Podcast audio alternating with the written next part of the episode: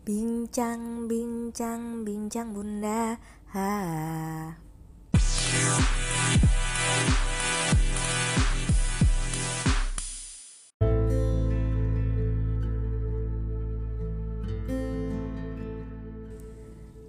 Dari anakmu Jangan benci kami ayah bunda Bukankah perilaku kami yang tidak engkau sukai?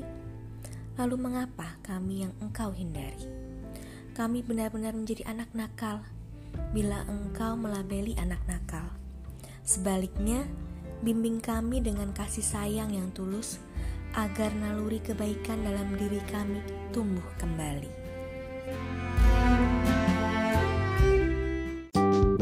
Assalamualaikum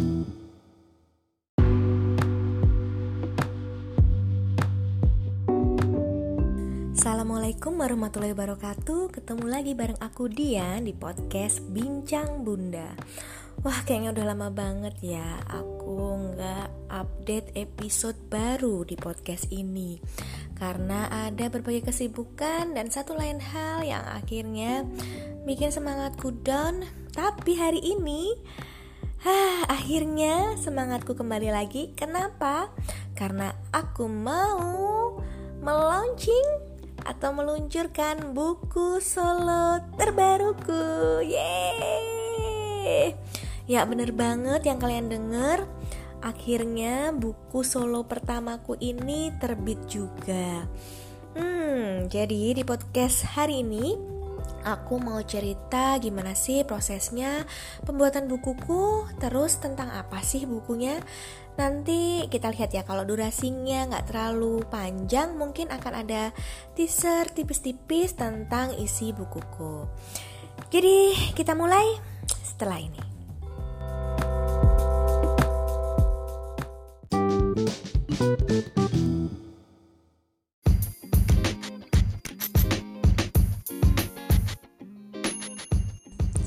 Here we go. Jadi sebelumnya aku kasih tahu dulu ya, bukuku ini adalah buku nonfiksi parenting dengan judul Anti Stres Hadapi Tantrum pada Anak. Nah, aku hari ini mau cerita sedikit tentang proses penulisan buku solo pertamaku ini. Jadi ceritanya, beberapa tahun lalu aku tuh punya resolusi untuk menerbitkan buku solo di penerbit mayor tapi nggak tahu nih harus mulai dari mana. Teman-teman ngeblokku ya kalian udah tahu ya kalau aku itu uh, penulis blog. Nah teman-teman ngeblokku ini mereka banyak yang penulis buku. Bahkan beberapa di antara mereka adalah para editor dari penerbit besar di Indonesia dan aku kenalnya itu juga gara-gara ngeblog. Nah, tentu saja dekat dengan para penulis dan editor membuat diriku semakin uh, apa ya membesarkan impianku gitu loh. Jadi impianku terasa lebih besar dan dalam bayangku dalam bayanganku itu kalau mereka bisa punya buku maka aku juga bisa. Tapi selain itu yang lebih penting lagi yang aku pikirkan adalah aku ini mau nulis buku tentang apa sih? Lalu apa motivasinya? Why-nya itu apa? Aku nulis sebuah buku Nah kita lanjut ya.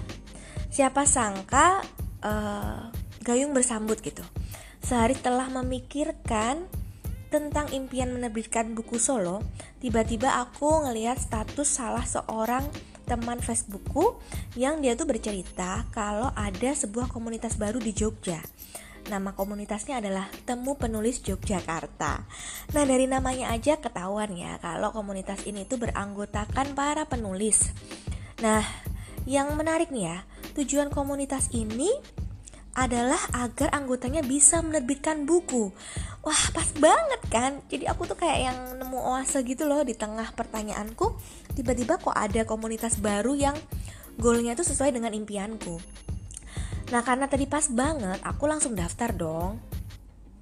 Nah, hari-hari pun aku lalui bersama Temu Penulis Yogyakarta atau disingkat TPY ya setiap pertemuannya itu selalu ada ilmu baru. Mulai dari pembuatan outline mencari ide buku proses pembuatan buku sampai terbit. Bahkan kami sebagai anggota tuh juga dikenalkan atau ada berbagai macam pertemuan yang uh, para anggota di TPY itu berkenalan dengan para edit para editor dari seluruh Indonesia dan para dan banyak penerbit baik dari Jogja, Solo bahkan pernah mendatangkan editor dan penerbit dari Jakarta. Nah, enaknya, enaknya di TPI itu adalah semua genrenya diterima, fiksi dan non-fiksi. Pemula dan penulis profesional juga ada semuanya bergabung di TPI.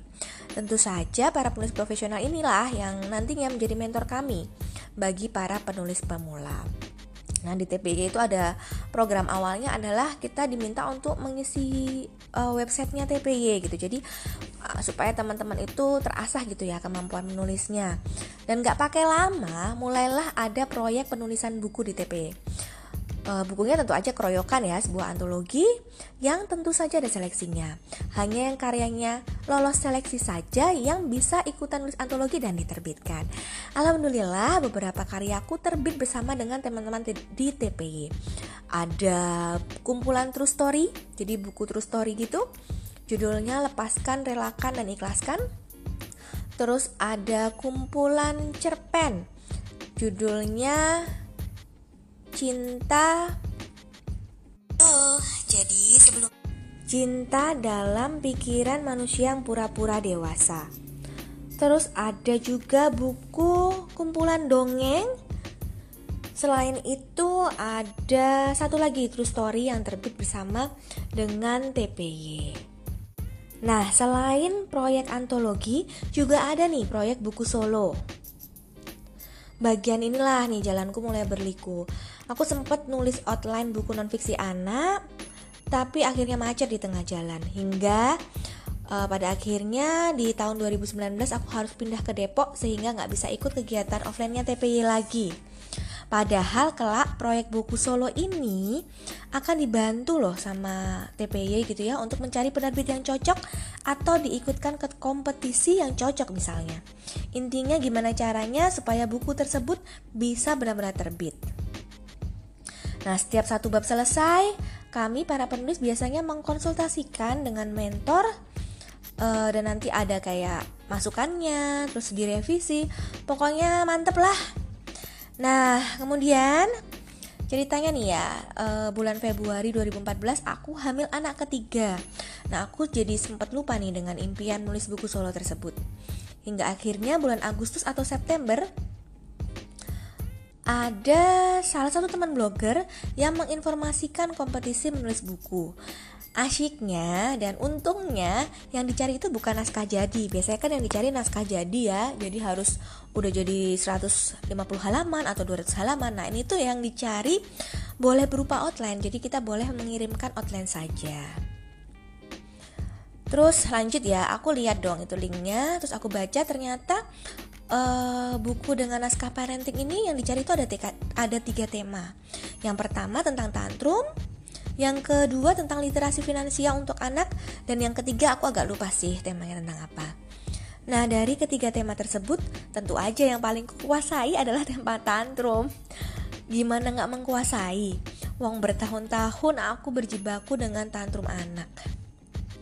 Uh, sebelumnya aku sempat mikir sih, bisa nggak ya aku nulis buku tentang tantrum, apalagi anakku uh, ya memang dia tantruman gitu.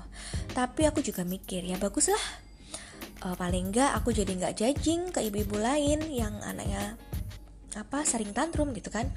Terus aku juga punya pengalaman dari sisi ibu yang anaknya tantruman dan sebagainya. Itu sih yang ada di pikiranku. Akhirnya ketemu nih motivasi utamaku untuk menulis buku tantrum yaitu adalah agar ibu-ibu lain gak mengalami yang kualami. Apalagi karena kekurang pengetahuan mereka, kurang ilmu. Dan agar sesama ibu bisa lebih berempati. Agar para anggota keluarga lain dan lingkungan jadi lebih paham tentang tantrum Uh, selain itu, agar para ibu baru, calon orang tua, bisa mempersiapkan diri jika tantrum anak datang. Nah, itu motivasi utamaku yang bikin aku semangat untuk menuliskan outline bagi calon buku tantrum ini. Nah, coba deh pendengar podcast Bincang Bunda tebak berapa hari aku nulis outline dan halaman awal untuk contoh tulisan.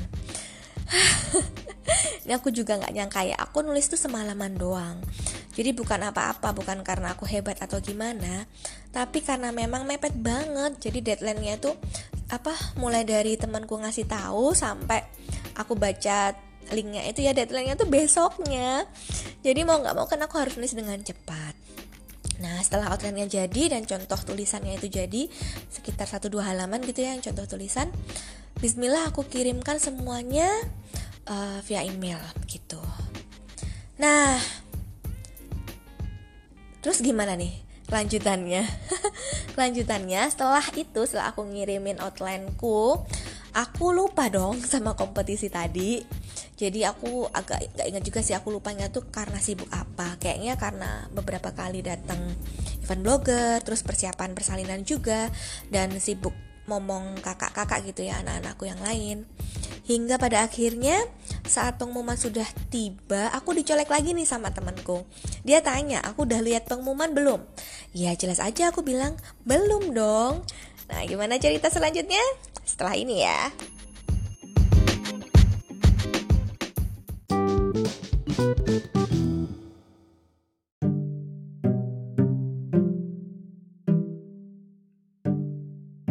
Oke, kita lanjut ya. Setelah temenku nyolek aku untuk cek pengumuman, pada saat yang berbarengan, salah seorang temen mention namaku di WhatsApp grup blogger. Karena outlineku lolos di kompetisi menulis tersebut. Ah, alhamdulillah banget, aku nggak nyangka sempet ini ya kaget dan bingung juga sih. Berasa aneh juga kenapa kok ada tema tantrum gitu ya di kompetisi menulis itu. Seolah-olah tuh kayak dibuat khusus untukku gitu kan saking GR-nya nih ya aku. Nah kemudian begitu ada email dari penerbit tentang S dan K-nya uh, tentu aku jadi deg-degan. Kenapa? Karena deadline-nya itu cuma dua bulan gitu ya. Meskipun aku udah dari awal tuh aku udah tahu ya karena kan itu juga disebutkan di uh, pengumuman kompetisinya. Dan halamannya itu minimal harus 150 halaman. Wah lumayan banyak ya. Aku yang penulis napas pendek maksudnya aku biasanya tuh cuma nulis artikel 1000 sampai 2000 halaman ya 2000 halaman 2000 kata gitu. Tentu aja itu bikin aku was-was kan ya. Tapi karena aku udah pernah dapat strategi di TPY aku jadi agak lebih pede untuk menulis buku. Nah, singkat cerita, setiap malam saat anak-anak udah mulai tidur, aku menulis minimal 5 halaman. Nah, kalau 5 halaman dikalikan 30 hari saja kan udah 150 halaman ya. Jadinya deadline 2 bulan itu pasti bisa tercapai. Tapi tentu saja nggak seideal itulah. Ada saat di mana referensiku kurang, sehingga aku harus riset lagi harus baca-baca buku lagi, bahkan aku harus menghubungi narasumber yang sesuai. Alhamdulillah uh, sebelumnya aku juga udah sempat ikut pelatihan KPA atau kepanjangannya komunikasi pengasuhan anak. Yang waktu itu aku diajak sama Mbak Ajeng. Dia teman blogerku dan workshop tersebut itu kan dibuat oleh psikolog ya. Uh, dan ikut KPA itu ternyata sangat membantu sekali proses kepenulisanku. Bahkan aku sempat izin langsung sama psikolognya yaitu Bu Safitri supaya aku bisa menggunakan modul KPA sebagai salah satu referensi. Alhamdulillah dibolehin sama Bu Safitri. Jadi itu kayak ya udah diatur sedemikian rupa gitu loh sama Allah semuanya itu. Nah, uh, aku cerita lagi ya. Ada beberapa bagian di buku yang saat menuliskannya itu sampai bikin aku nangis beneran sedalam itu karena saking sedihnya dan saking gak percayanya pernah melewati masa-masa suram terkait tantrum anak. Dan ternyata ada hikmah di balik semuanya yaitu hikmahnya salah satunya adalah terbitnya buku anti anti stres hadapi tantrum pada anak ini. Uh, waktu dulu aku selalu tanya sama Allah ya Allah kenapa aku ya Allah? Kenapa harus aku yang ngalamin kejadian ini? Selain introspeksi, ternyata Allah menjawab semuanya sekarang. Situasi gak ngenakin yang aku ngalamin bertahun-tahun akhirnya menjadi berkah tersendiri buatku dan tentu saja insya Allah buat pembaca bukuku nantinya. Jadi Bismillah. Insya Allah, bukan insya Allah sudah terbit. Jadi bukuku udah open PO Februari ini ya Dan aku berharap buku ini benar-benar bisa bermanfaat buat banyak orang untuk ibu-ibu yang sedang menghadapi tantrum anak. Uh, kamu sekarang bisa lebih tenang, mams, karena kamu gak sendiri. Selain ada orang-orang di sekitarmu, keluargamu, teman-temanmu, sekarang juga ada buku ini yang akan menemanimu menghadapi semuanya. Setelah ini aku mau kasih sebuah intro ya Supaya para pendengar podcast Bincang Bunda punya gambaran Buku anti stres hadapi tantrum pada anak ini isinya tentang apa sih? Let's check out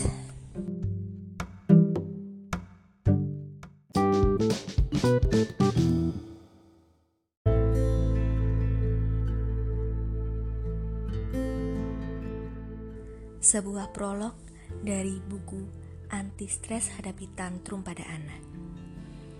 Ada banyak cerita di balik terbitnya buku ini.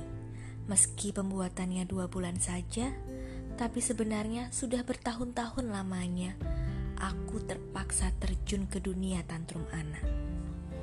Lebih dari tiga psikolog ku datangi, bahkan puskesmas dan rumah sakit pun kusambangi. Sampai akhirnya, perlahan-lahan ada titik terang. Ah, cuma tantrum.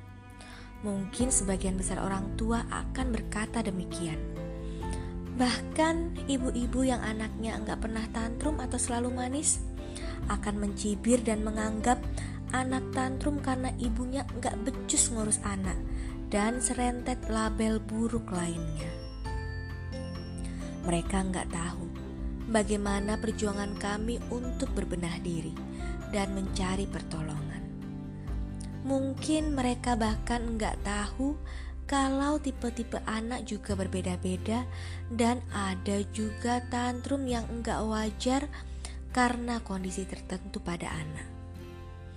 Intinya, aku cuma mau bilang, untuk ibu-ibu yang sedang berjibaku dengan tantrum anak, kalian gak sendiri.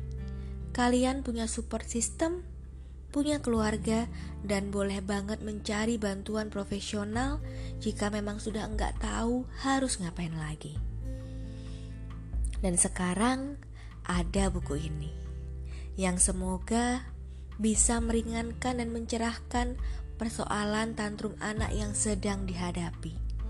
Jangan sampai kayak aku dulu yang kebingungan tanpa arah.